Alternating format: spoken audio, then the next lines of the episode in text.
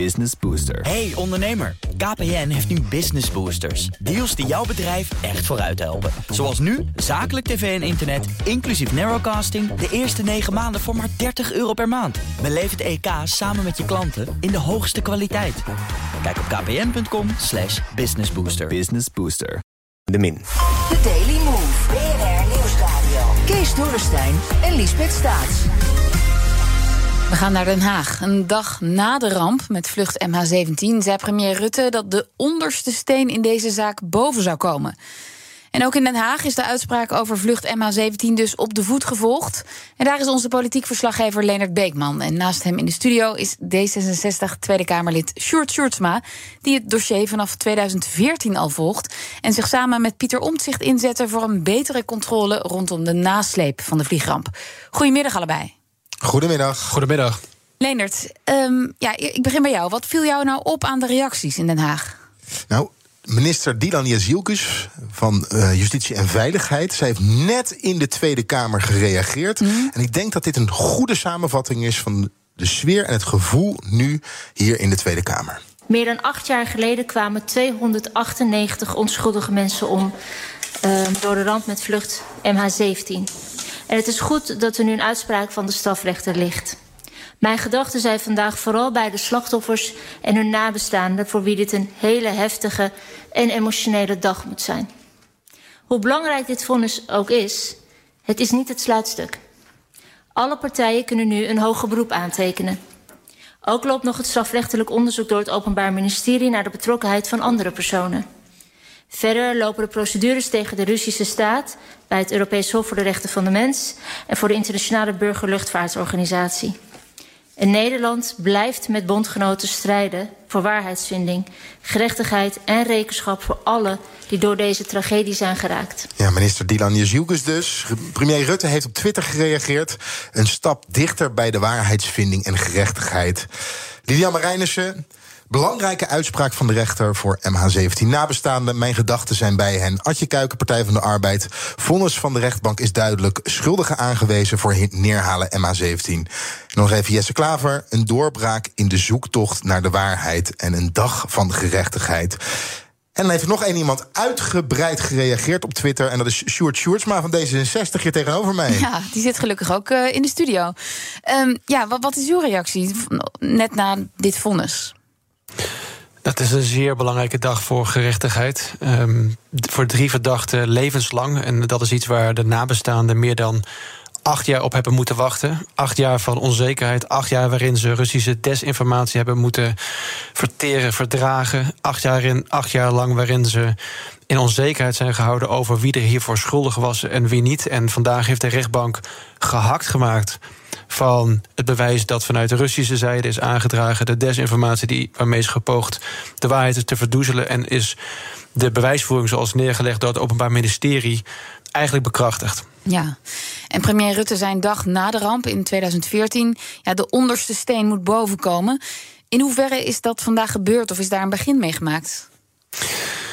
Nou ja, hij zei inderdaad, we hadden eigenlijk drie prioriteiten toen. Uh, dat waren de, de lichamen van de slachtoffers terughalen. Uh, dat is op, uh, op twee na is dat gebeurd. Het tweede was inderdaad de onderste steen boven. daarvan kunnen we nu wel zeggen dat ook, nu ook de rechter heeft bevestigd dat het een Russische boekraket was, afgeschoten vanuit een landbouwveldje in het Oost-Oekraïne. uh, door, uh, ja, eigenlijk, door Russen gecontroleerde militair daar ter plekke. Dat we weten wat er is gebeurd. Maar het derde prioriteit, dat was de schuldigen voor de rechtbank. Daar hebben we er vandaag drie van gezien.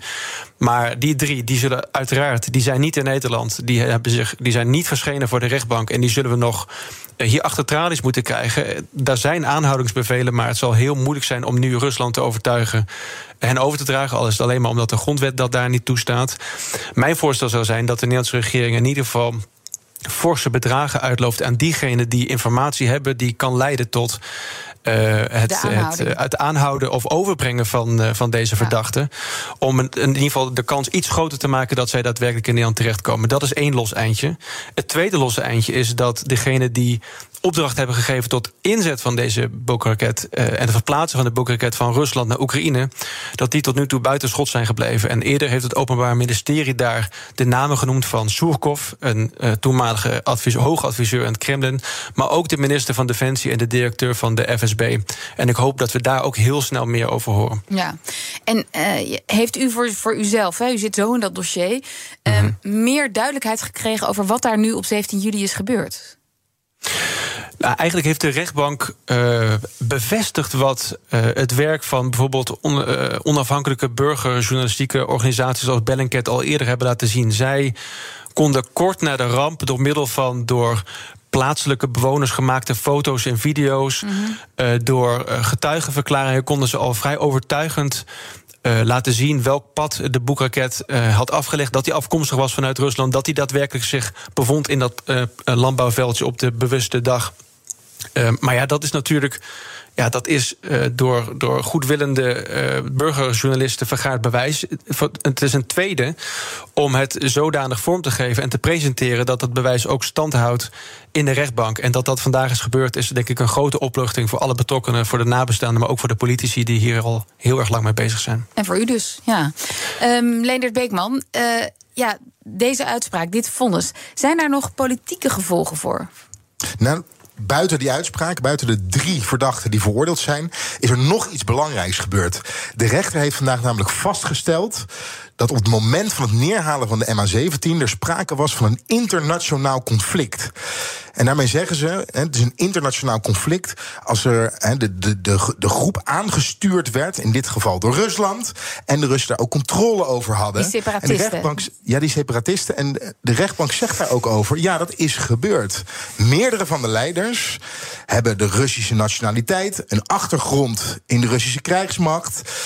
En de vraag hierbij dus is ook, op het moment dat er al sprake was van een internationaal conflict, dat kunnen we nu, dat is nu eigenlijk vastgesteld, hebben we de ernst van de situatie in de Krim uh, in 2014 niet ongelooflijk onderschat. En wat deed dat vliegtuig daar?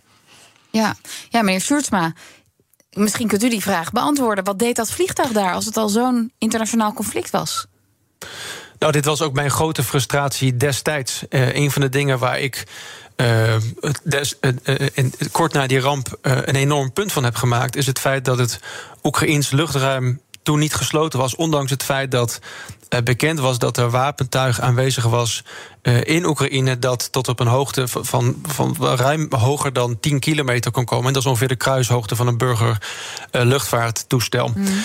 um, dus uh, heel veel van mijn werk de afgelopen jaren is, los van de onderste steen boven, heeft zich ook bezig gehouden met ervoor zorgen dat dit niet nog een keer kan gebeuren. Dat de regels rondom om, omtrent burgerluchtvaart boven conflictgebieden worden aangescherpt. Dat er instituten komen die kunnen zeggen: ja, tot hier en niet verder. Misschien dat de luchtvaartmaatschappijen hier nog over mogen vliegen, maar wij beoordelen het nu onveilig. Dus het stopt. Ja. Maar er waren ook dat is overigens nog steeds niet geregeld. Die niet meer vlogen hè, over Oekraïne. Zo is dat. En dat is ook waarom D66 al heel lang het pleidooi heeft dat de Europese uh, luchtvaartautoriteit in staat moet zijn om voor de hele Europese luchtvaart te zeggen: over dit gebied kunt u niet meer vliegen, het is te onveilig. Dat voorkomt dat bedrijven toch proberen, uh, zoals we ook hebben gezien bij Oekraïne wel te vliegen terwijl het eigenlijk niet meer veilig is. Het, voorkomt een level play, het zorgt voor een level playing field, maar het zorgt vooral, en dat is denk ik cruciaal, voor maximale veiligheid voor de passagiers. Ja. Maar het klopt ook wat u zegt. Dit is door, en dat is een van ook een tweede van mijn frustraties. Toenmalig kabinet heeft daar over de situatie op de grond met veel meel in de mond gepraat. Altijd over separatisten, groene mannetjes. En wij hebben er altijd voor gepleit om het te noemen uh, zoals het was, namelijk een oorlog. Uh, de betrokkenheid van Rusland was toen al ook al onomstotelijk. En ik denk dat die uh, ja, toch halfhartigheid, uh, die onduidelijkheid heeft ook uh, ertoe bijgedragen dat we op dat conflict, niet per se op MH17, maar wel op dat conflict, te, te, slap zijn geweest. Ja. Maar ja. nu zegt de rechter ook, en even voor de politieke gevolgen, sinds 2014 is er al een internationaal conflict is daar bezig. Hè? Ik noemde het net zelf ook separatisten, maar ja. er wordt daar oorlog gevoerd. Dit jaar ehm, is, de Oek is Oekraïne daadwerkelijk binnengevallen. En voor veel mensen kan dat toch als donderslag bij heldere hemel. Hè? Dat zou niet gaan gebeuren. En dat kunnen we eigenlijk bijna niet meer vast uh, uh, volhouden nu. Want er is daar al acht jaar oorlog. Dus sterker nog, dit, is een, dit is een chroniek van een aangekondigde invasie. Rusland heeft in 2008 Georgië ingevallen. Toen leidde, dat leidde tot schouderophalen bij het Westen. De annexatie van de Krim in 2014 leidde wel geteld tot één ronde sancties, tot mijn grote frustratie. En de daaropvolgende oorlog in Oost-Oekraïne, die inderdaad al acht jaar woedt. Uh, die leidt vooral tot veel uh, uh, vaagtaal, tot onduidelijke reacties en tot iets waarvan Oekraïne maar moest zien hoe het, zou, hoe het, het zou gaan oplossen. Dus, dus ik deel de mening van velen, en dat is ook de mening die D66 die jaar heeft uitgedragen, dat het gevaar van Poetin ongelooflijk onderschat is. Dat de bereidwilligheid van Poetin om zich tot ons te verhouden eh, langs de regels van internationaal recht en mensenrechten, uh, dat die eigenlijk nul was uh, achter, de, achter dat vernissen van, van vaststellen. Hè, handel en gas was belangrijker dan de situatie op de Krim. Ja, dat, dat is een vaststelling die, die ik helemaal zou onderschrijven. Kijk, we hebben in de Europese Unie hebben we onze energie uitbesteed aan Rusland. We hebben onze welvaart uitbesteed aan China. En we hebben onze veiligheid uitbesteed aan de Verenigde Staten. Daar betalen wij nu een prijs voor in termen van onze energierekening, ons boodschappenmandje deze winter. Dat is een behoorlijk hoge prijs voor sommige Nederlanders. Oekraïners betalen daar nu de prijs voor in bloed. Nou, dat is een, eh, dat zijn stevige taal. Um, tot slot wil ik u nog vragen. Het boek kan nog niet helemaal dicht, natuurlijk. Want er loopt nog een procedure bij de VN voor burger, een organisatie uh, gekoppeld aan de VN voor burgerluchtvaart. En ook bij het Europees Hof voor de Rechten van de Mens. Wat verwacht u daar nog van, tot slot? Ja, ik, ik verwacht eh, ook daar zullen we en zullen de nabestaanden helaas geduld moeten hebben. Dat zijn processen die nog vele jaren zullen duren. Uh, de stap naar de VN Burgerluchtvaartmaatschappij is pas vrij recent gezet toen de pogingen om met Rusland door middel van dialoog tot staatsaansprakelijkheid te komen eigenlijk zijn mislukt.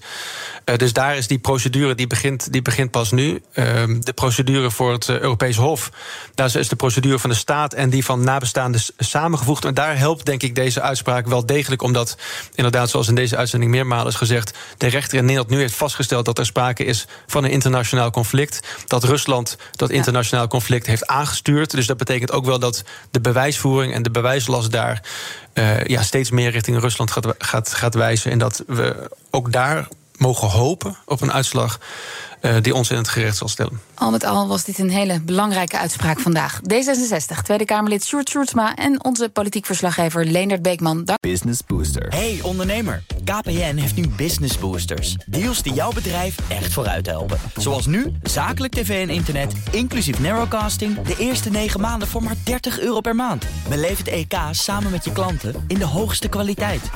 Kijk op kpn.com businessbooster. Business Booster.